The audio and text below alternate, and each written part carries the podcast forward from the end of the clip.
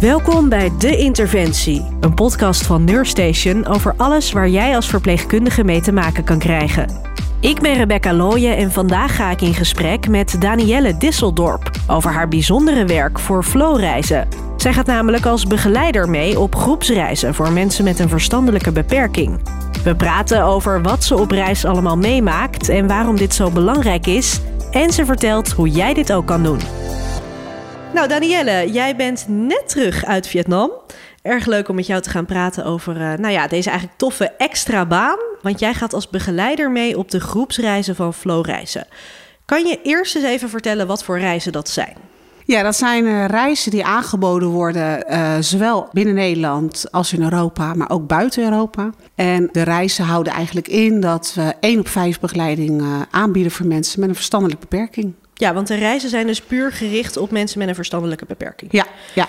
En wat is jouw taak dan precies als je meegaat op reis? Mijn taak en de taak van mijn collega's uiteraard is eigenlijk zoveel mogelijk structuur bieden uh, aan de deelnemers. Een stuk veiligheid bieden, dat is iets wat, uh, wat ze vaak missen als ze zelf op reis zouden moeten gaan. Mm -hmm. En daarbij natuurlijk ook de praktische zaken zoals uh, helpen met medicijnen, helpen met het geldbeheer.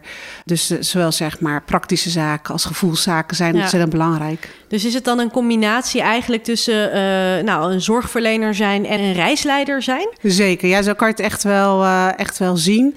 En je kan het ook echt niet los van elkaar zien, zeg -hmm. maar. Dus uh, als je helemaal niets met reisleiden hebt of helemaal niets met de zorg, ja, dan is het niet aan te raden om deze baan te gaan doen. ja, en um, je noemde het al even, deze reizen zijn dus bedoeld voor mensen met een verstandelijke beperking. Ja.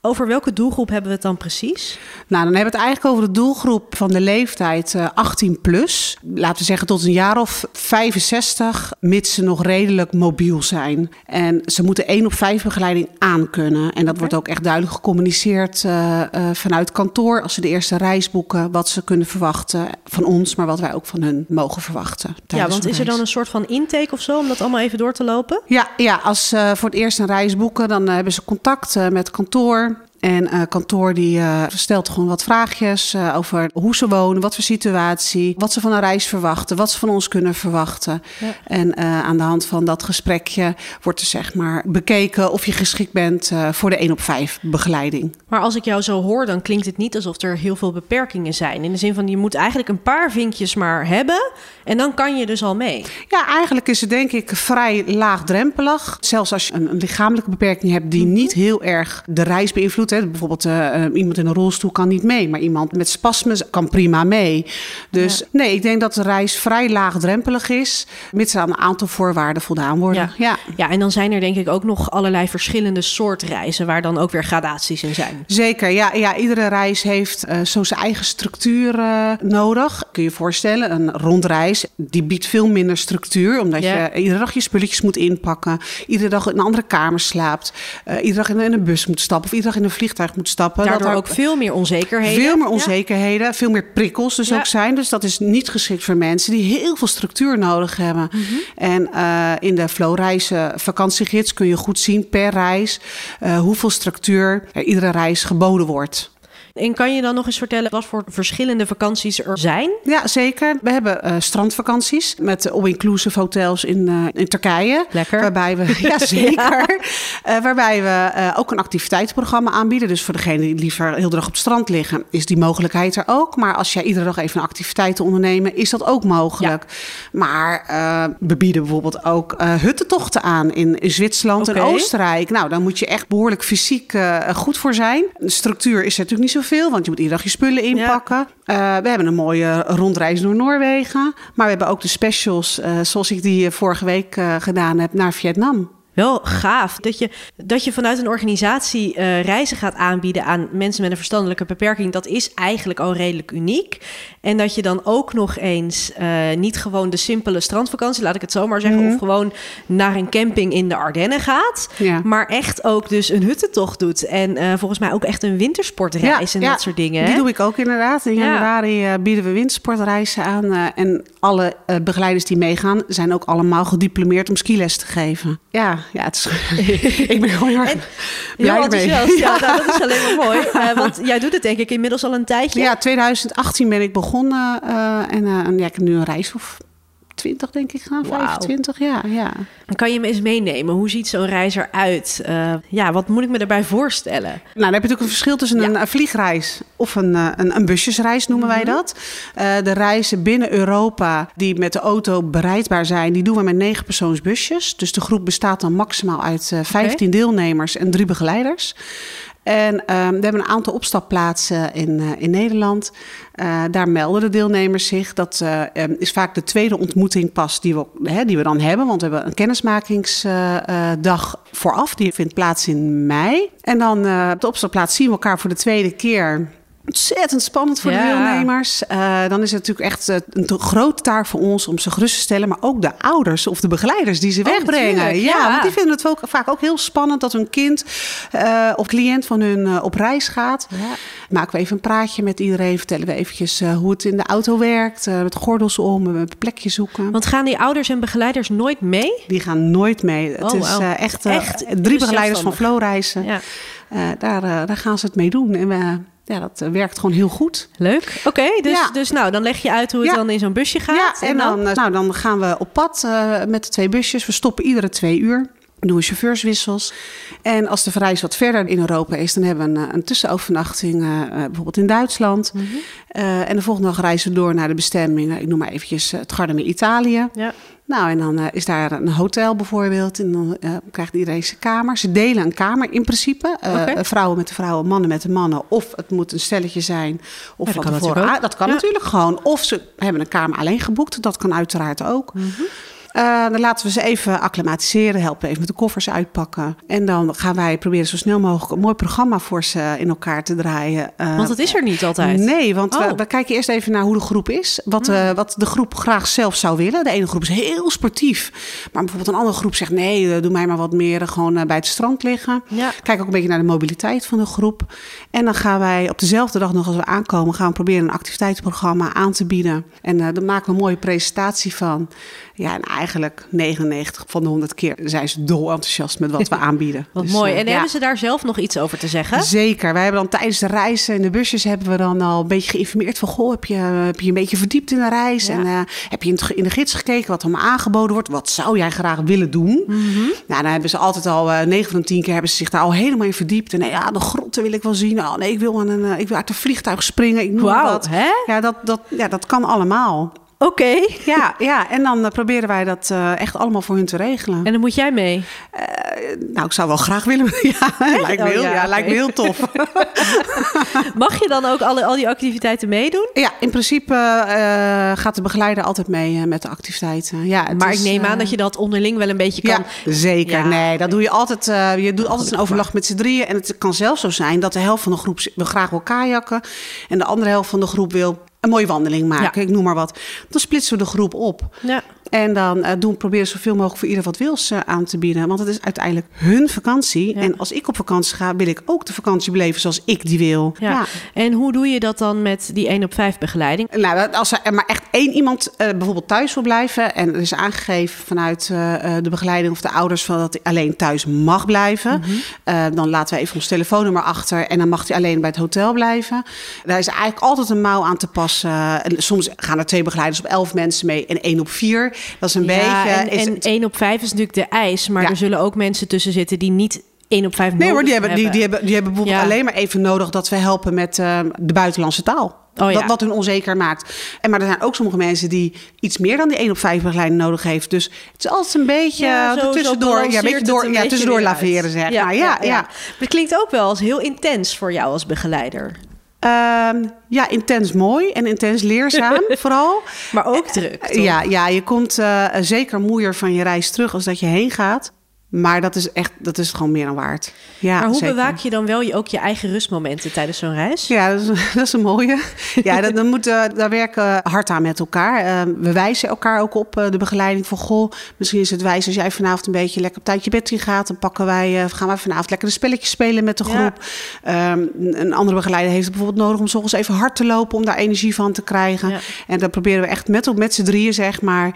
proberen we echt op te letten dat we ook onze rust pakken. Want een, een begeleider die uitgerust is, gewoon een betere begeleider. Ja, precies. Ja, tuurlijk. Nee, maar je bent gewoon mens. En je hebt ook gewoon rust nodig om scherp te blijven. Zeker. En je hebt natuurlijk wel gewoon een aardige verantwoordelijkheid ook op zo'n reis. Zeker. Um, Wij zijn gewoon 24-7 staan we aan. Uh, want midden in de nacht kun je ook, uh, kan er ook op de deur geklopt worden, want het onweert. Noem maar wat. Er zijn mm -hmm. mensen, uh, kunnen deelnemers echt heel bang zijn voor onweer. Of er is iemand ziek geworden, buik. dus we, we, staan, we, hebben geen middagjes vrij, maar we proberen wel eventjes bijvoorbeeld iets eerder naar bed te gaan ja. s'avonds. Of ehm, even een uurtje naar de kamer toe te gaan om eventjes toch die momenten te pakken. En je hebt dus ook geen vrije dag? Je hebt zeker geen vrijdag. Nee. Maar goed, als ik dan hoor wat voor leuke dingen je ook allemaal doet, dat, is, ja, dat, dat balanceert het ook weer een beetje. Zeker, maar je hebt ook helemaal geen behoefte aan die vrije dag eigenlijk. Uh, heb je meer een gevoel dat je iets mist uh, misschien? Ik denk het wel, ja, ja, ik denk het wel. Ja, ik heb er eigenlijk nog maar eens over nagedacht. Ja. Uh, vind, je het, vind je het zwaar, zo'n reis? Um, Nee, nou, nou, ik zeg nee, maar dat ligt een beetje aan. Uh, je kan een geweldig mooie reis hebben naar een subtropisch land, uh, maar waarvan de groep behoorlijk bewerkelijk is. Dan ja. is de reis bijvoorbeeld heel zwaar. Uh, maar je kan bijvoorbeeld ook in Nederland een reis hebben dat je denkt: hm, Nederland is wat minder subtropisch, maar een fantastische groep hebben. En dan heb je echt de meest geweldige, relaxte ja. reis die er is. Dus het heeft wel met meerdere factoren te mm -hmm. maken. Maar nou, van alle reizen die ik heb meegemaakt, heb ik nog nooit een reis gehad dat ik dacht van wow. Poeh, ik weet niet of ik dat nog een keer zou ja, willen. Precies, ja. Nee, dat heb ik nog nooit meegemaakt. Ja, anders had je er ook geen twintig gedaan nee, natuurlijk. Nee. Ja, misschien is intensief dan een beter woord. Ja, ik denk dat intensief het juiste woord is, ja. Um, nou, er is dus heel veel mogelijk qua reizen die jullie aanbieden voor deze doelgroep. Um, hoe ver gaan jullie? Is er een grens? Er is wel een grens, maar we gaan behoorlijk ver. Ja, ja met, okay. met wat we aanbieden, zeg maar. Ja, ja nee, we gaan behoorlijk ver. Um, wat we willen uitdragen en wat ook voor jezelf gewoon heel prettig is, is om de deelnemers het gevoel te geven dat ze volledig de regie in eigen handen hebben op zo'n mm -hmm. reis. Ze weten allemaal dat ze voor een bepaalde reden meegaan met ons, maar alles wat ze eigenlijk willen aan activiteiten, proberen we echt wel voor ze te bewerkstelligen.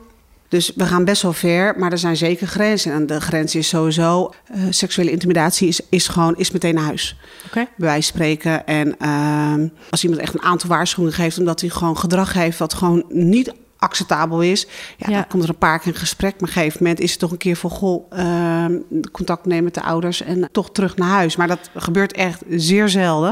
En dan hebben we het dus eigenlijk over het waarborgen van de veiligheid in de Zeker, groep. Ja. Ja, ja, want je bent gewoon met meerdere mensen op reis. Ja. En uh, als wij niet meer die veiligheid uh, kunnen waarborgen, ja, dan, dan kies je voor jezelf en voor de rest van de groep. Zeker. Maar we gaan vrij ver met, uh, met dingen aanbieden en oplossen. En, ja ja, het fijn maken. Nou, wat leuk. En uh, merk je dan ook dat dit soort reizen effect hebben op mensen? Nou, effect is een beetje een raar woord, maar ik kan me er zo voorstellen dat juist omdat je een soort van. De zijwieltjes gaan er ook gewoon een beetje af hè, als je meegaat op zo'n reis. Um, dat je daar een hele hoop van leert ook als, als cliënt zijnde. Ja, ja, het mooie is dat ze erachter komen dat ze gewoon veel meer kunnen dan dat ze dachten. Omdat ja. eh, op, op, een, op een woongroep, en dat merk ik zelf natuurlijk ook wel, uh, wordt er heel veel voor ze geregeld. Mm -hmm. wordt, heel veel dingen worden al gedaan. Ja. En, en op een reis wordt er toch een beetje verwacht dat ze dingetjes ook zelf doen. Het is één op vijf begeleiding. En moedigen we ook aan, zeg maar, van goh, kijk eens wat je allemaal wel kan.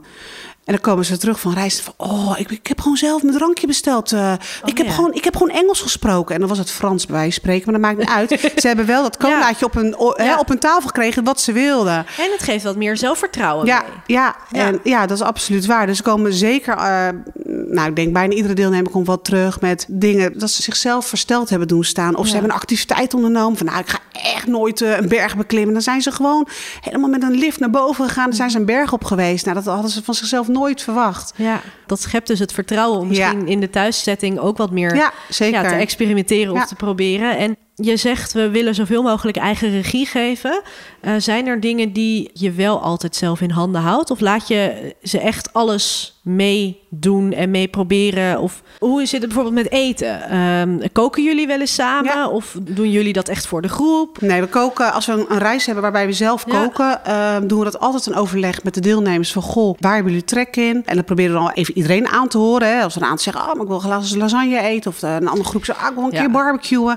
Dan dan gaan wij proberen in het programma de barbecue, de lasagne, een keer Ja. uit eten, een keer frietjes. eh, maar we proberen wel veel groenten aan te bieden eh, en veel fruit. Eh, want twee weken is best wel lang. Mhm. Ja. En als je dan echt alleen maar patat en pizza zit te eten, daar wordt niemand, daar wordt niemand blij dat van. herkent van Juist. de vakantie, dat je Ja. terugkomt dat je denkt, oh, ik wil een broccoli. Ja, en, nou ja, en als er diëten zijn, die hebben in onze doelgroep gewoon heel erg veel. Ja, wordt er uiteraard rekening mee gehouden. Ja, dus jullie houden wel dat oogje in het cel. Maar als het dan aankomt op koken, kan dus ook. Het kan dus zomaar zijn dat iemand ineens leert om dat soort dingen te gaan doen. Zeker, ja. Oh, Dat ze in één keer dingen gaan eten van nou, dat heb ik echt nog nooit gegeten. Ja. En eh, het is ook een beetje de groep, hè, die elkaar... Als heel de Ja. groep zegt, oh, wat, dit is hartstikke lekker. En die ene denkt, ja, nou, ik weet ik, eh, ik ga het toch even proberen. Ja. Nou ja, dus het is ook een beetje de groepsdruk, zeg maar, die dan ja, maar ook zorgt. positief. Ja, als zeker, iedereen het ja, lekker vindt, dan ga je het sneller proberen dan als je er helemaal geen zin in hebt en helemaal niet in zo'n leuke, gezellige, zonnige setting zit. Ja. Zeg maar. Dat is denk ik voor iedereen heel herkenbaar. Zeker, ja.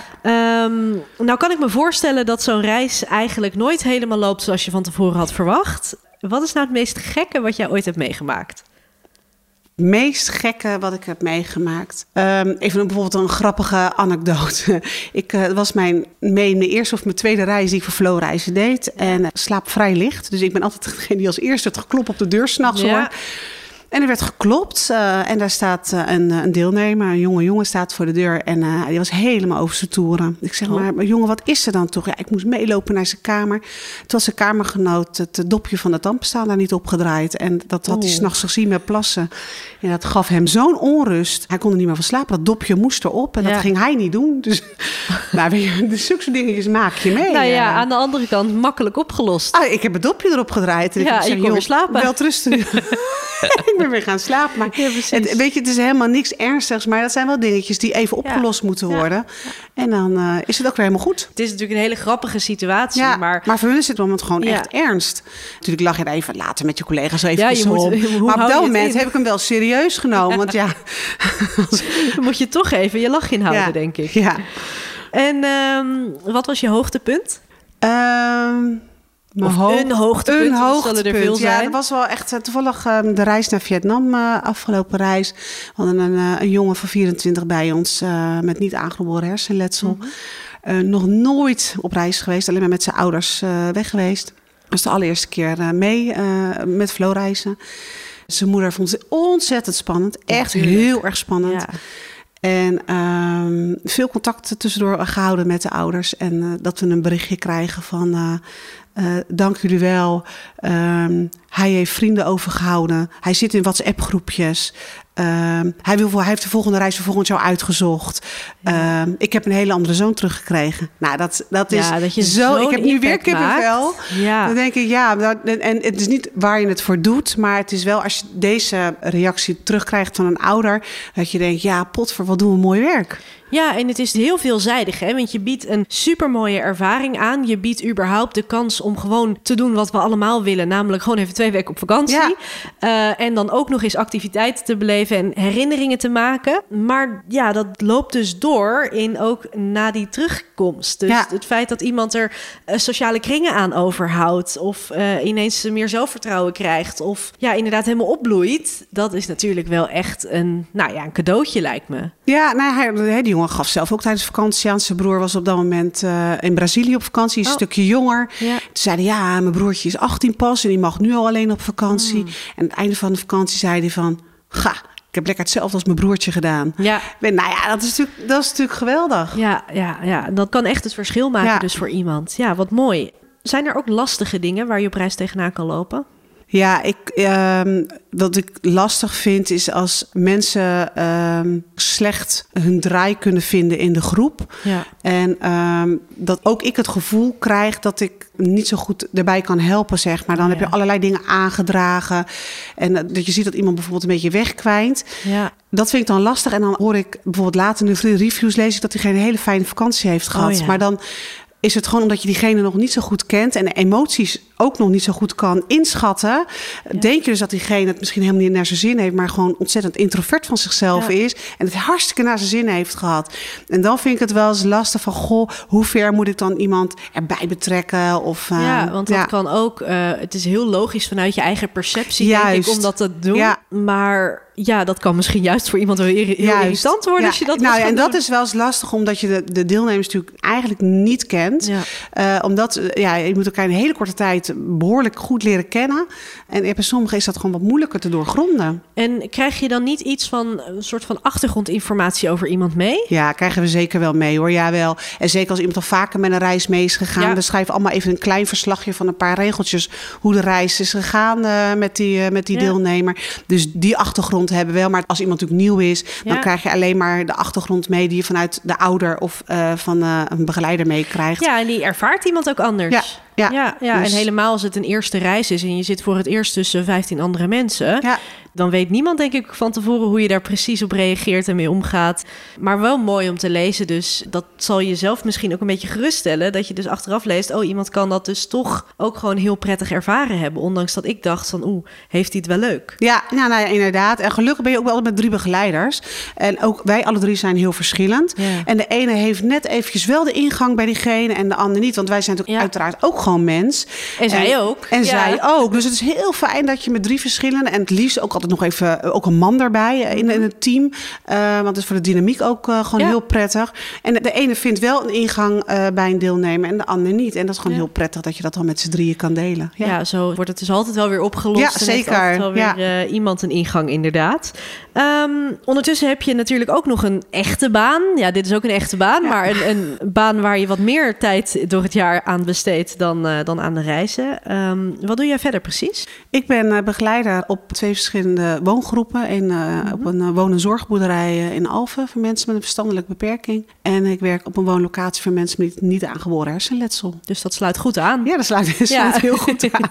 En heb je dan ook door die reizen dat je daardoor dingen meeneemt wat je dan in je ja, normale baan, zeg maar, kan gebruiken? Ja, ja, want de diversiteit binnen flowreizen, zeg maar, de karakters die je tegenkomt, de ziektebeelden of de beperkingen, zijn zo divers dat op het moment eh, dat je bij je andere baan ergens tegenaan loopt, denk je, oh ja, dat, dat heb ik toen ook meegemaakt, zeg maar. Dus Ja. het is, eh, Je leert er heel veel van. Je leert er ontzettend veel Ja. van, ja, zeker. En Ja. ook, je gaat je daarna ook een beetje verdiepen in bepaalde ziektebeelden of in bepaalde aandoeningen die je op je eigen woning bijvoorbeeld niet hebt, maar die je wel bij flowreizen tegenkomt. Ja, en ik kan me voorstellen dat het je misschien ook iets flexibeler maakt. Of iets creatiever. Creatiever, Ja. denk ik. eh, dat dat, eh, ja, zeker. Ja, ja ik, eh, sowieso ben ik altijd wel van het doen. En als ik dan leuke dingen gedaan heb met flowreis, denk ik, oh, dat kunnen we ook met de woning Ja. gaan doen. En, ja, precies. ja, zeker. Ja. Ja.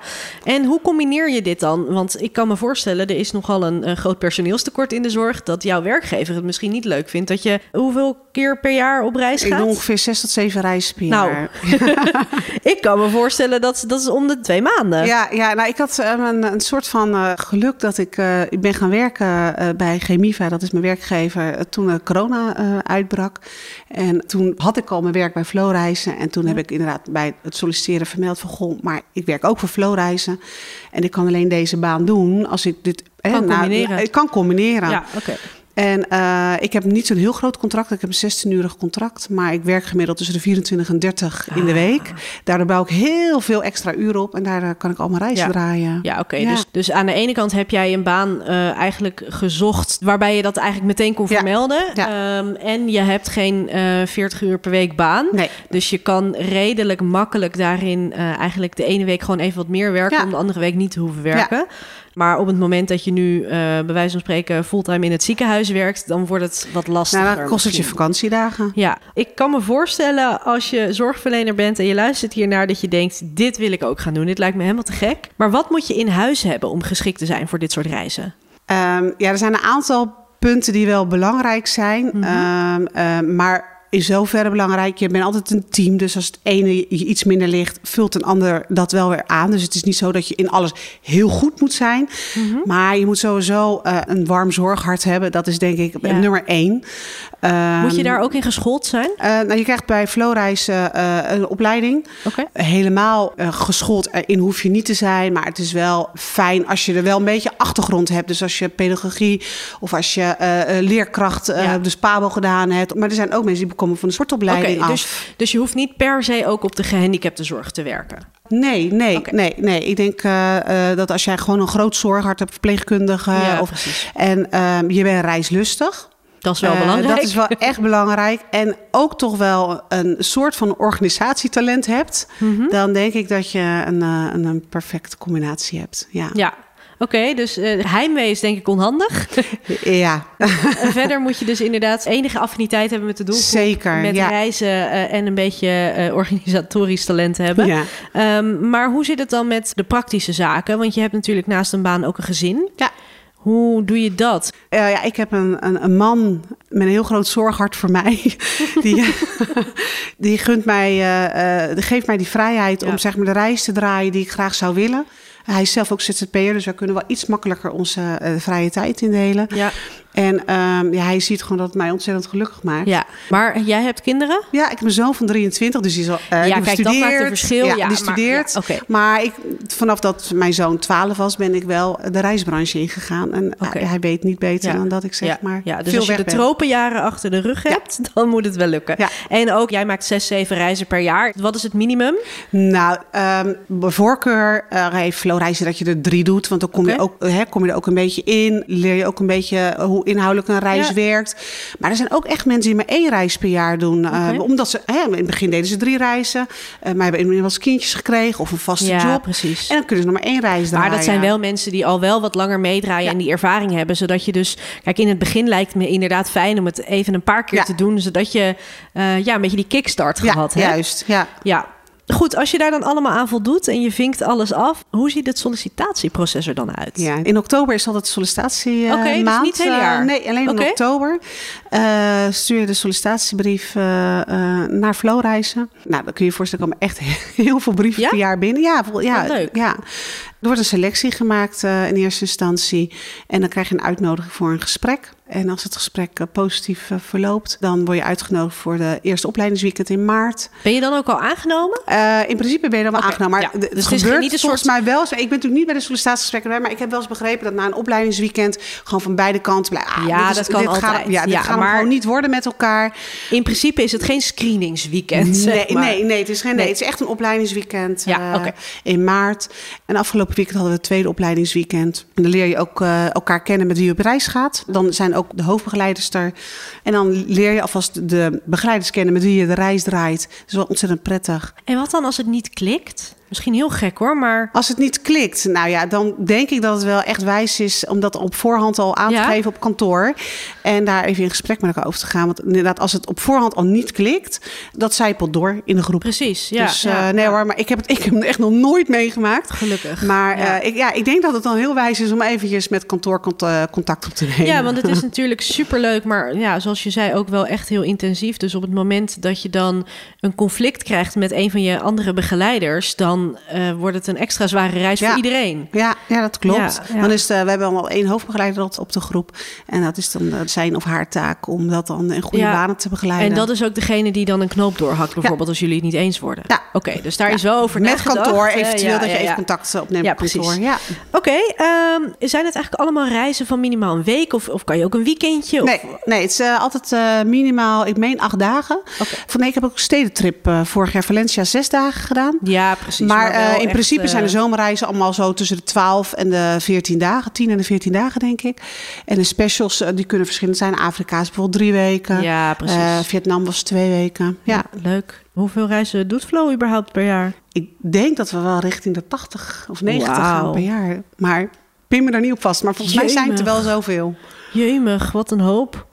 En, eh, en zijn dat dan allemaal nieuwe gezinnen? Of zijn er ook mensen die, die meerdere keren per jaar Oh gaan? nee, Of- nee, we hebben echt mensen die al jaren meegaan. We hebben mensen die twee keer per jaar mee op reis gaan. Nee, het is echt, eh, echt heel divers. Misschien een gekke vraag, maar hoe betalen zij dat dan? Ja, er zijn eh, PGB-budgetten. Ja? En in de brochure kun je ook zien welk gedeelte van deze reis vanuit de PGB betaald kan worden. Ja, dan, dan is het wel, hè, de ene deelnemer heeft wel een PGB en de andere heeft het niet. Dat is Mhm. altijd wel sneu, want de ene moet er inderdaad heel hard verwerken en de ander kan een gedeelte eh, gefinancierd krijgen. Ja. Er zijn veel ouders die eh, bijdragen aan, Ja. eh, aan reizen. Ja, op die manier. En, ja, en ook gewoon sparen, net zoals wij, jij en ik ook dat moeten. Combinatie, ja.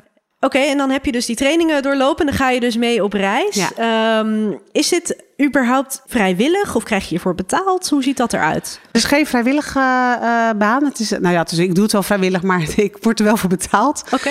Het is niet uh, een, een, salaris wat je krijgt, uh, wat ik op de woongroep verdien. Maar ja, je krijgt nou een flinke dagvergoeding. Ja. Dus, en alle onkosten worden En alle, onkosten, alles wordt betaald. Verder Ja. hebben we geen uitgaven in die periode. En waarom kiest Flow er dan voor om dit betaald te doen? Want ik kan me voorstellen dat genoeg mensen dit überhaupt gewoon leuk vinden om te doen. En Ja. dat vrijwillig zouden doen. Ja, omdat eh, Flow gewoon met geschoold personeel eh, wil Ja. werken. En ja, gewoon de garantie wil bieden dat de reis op een professionele manier wordt neergezet. Ja, dus echt Ja. ook eigenlijk weer die veiligheid waarborgen. Ja. Ja, precies. Nou, dan ga je voor het eerst op reis. Hoe werkt dat dan? Is er dan nog een soort van inwerkproces of word je meteen in het diepe gegooid? Nee zeker, nee, zeker niet. Je begint als aspirantbegeleider. En je eerste reis is echt de bedoeling dat je gewoon mee gaat kijken. Van hoe werkt dat nou? Eh, maar ieder taak waarvan je denkt, oh, die kan ik oppakken. Hartstikke goed. Doe dat ook vooral. Eh, Ja. Eigen initiatief wordt ontzettend gewaardeerd. Maar als je dat nog niet hebt, dat je er hè, er nog wat onzeker over bent, dat geeft ook niet. Want er komt best wel veel op je af. Ja. En dan is het eh, gewoon de, de taak van de hoofdbegeleider en de andere begeleider om jou zeg maar steeds meer te betrekken bij het hele proces. En uiteindelijk, als je dan één reis gedraaid hebt, dan heb je echt wel al veel gezien. En dan de tweede reis die je draait, durf je alweer wat meer taken Ja. op je te nemen. Dus nee, je krijgt echt wel de mogelijkheid om eh, gewoon het te leren, En zeg maar. in te, ja, in te groeien. zeker. ja, Ja, ja. Dus je hoeft je ook niet schuldig te voelen als je de eerste reis gewoon wat minder bijdraagt. Zeker niet. Nee, voel je vooral niet schuldig, want we hebben het allemaal moeten leren. Ja, Dus eh, nee wat hoor. fijn dat je de ruimte krijgt om daarin te groeien. En niet meteen, ja, je, je zal natuurlijk wel gewoon aan de bak moeten. Maar Ja, het is natuurlijk niet dat je op je achterste moet gaan zitten en, eens gewoon even eens gaat kijken echt hoe de gaat rest kijken het van doet. hoe de rest het doet. Maar eh, je hoeft ook niet meteen met alle initiatieven aan te komen, want dat mag je ook helemaal niet verwachten. Nee. Eh, maar ja, op een gegeven moment zal ik tegen de nieuwe eh, begeleider zeggen: Goh, zou je dat, dat willen oppakken? Begeleid ik je mee? Nou, dan, hè, als dan daar initiatief in getoond wordt, ja. is dat natuurlijk ontzettend fijn. Nou, superleuk. En voor je het weet doe je er dus twintig. Zeker. Dan tot slot, we hebben, we hebben het over een hoop gehad. Maar wat zou jij vanuit jouw expertise nog mee willen geven aan andere zorgverleners? Wat ik eigenlijk wil meegeven, en dat is niet eens zozeer alleen aan zorgverleners, maar denk gewoon aan wij als mensen, is dat we moeten de mensen met een verstandelijke beperking proberen in hun kracht te zetten. En dat doe je eigenlijk door niet te kijken wat ze niet kunnen, maar kijk naar wat ze allemaal wel kunnen. Als je daarnaar kijkt, dan kom je er pas achter wat deze doelgroep ons te bieden heeft. En dat is echt ontzettend veel. En ehm, als ik voor mezelf mag spreken, ik heb echt gewoon geleerd om van de kleine dingen te genieten. Omdat deze doelgroep dus van die kleine dingen kan genieten. En eigenlijk laat zien hoe, hoe ik dat ook moet doen. Ja, zet ze in de kracht en kijk naar wat, eh, wat ze wel kunnen. Je luisterde naar De Interventie, een podcast van Nurstation. Wil je meer weten over toffe werkplekken in de zorg of andere vakverhalen lezen? Kijk dan op nurstation.nl. Vond je deze aflevering nou interessant? Laat dan vooral een review achter en deel hem met je collega's. Dit was alweer de laatste aflevering van dit seizoen. Na de zomer zijn we weer terug met nog meer verhalen uit de zorgsector.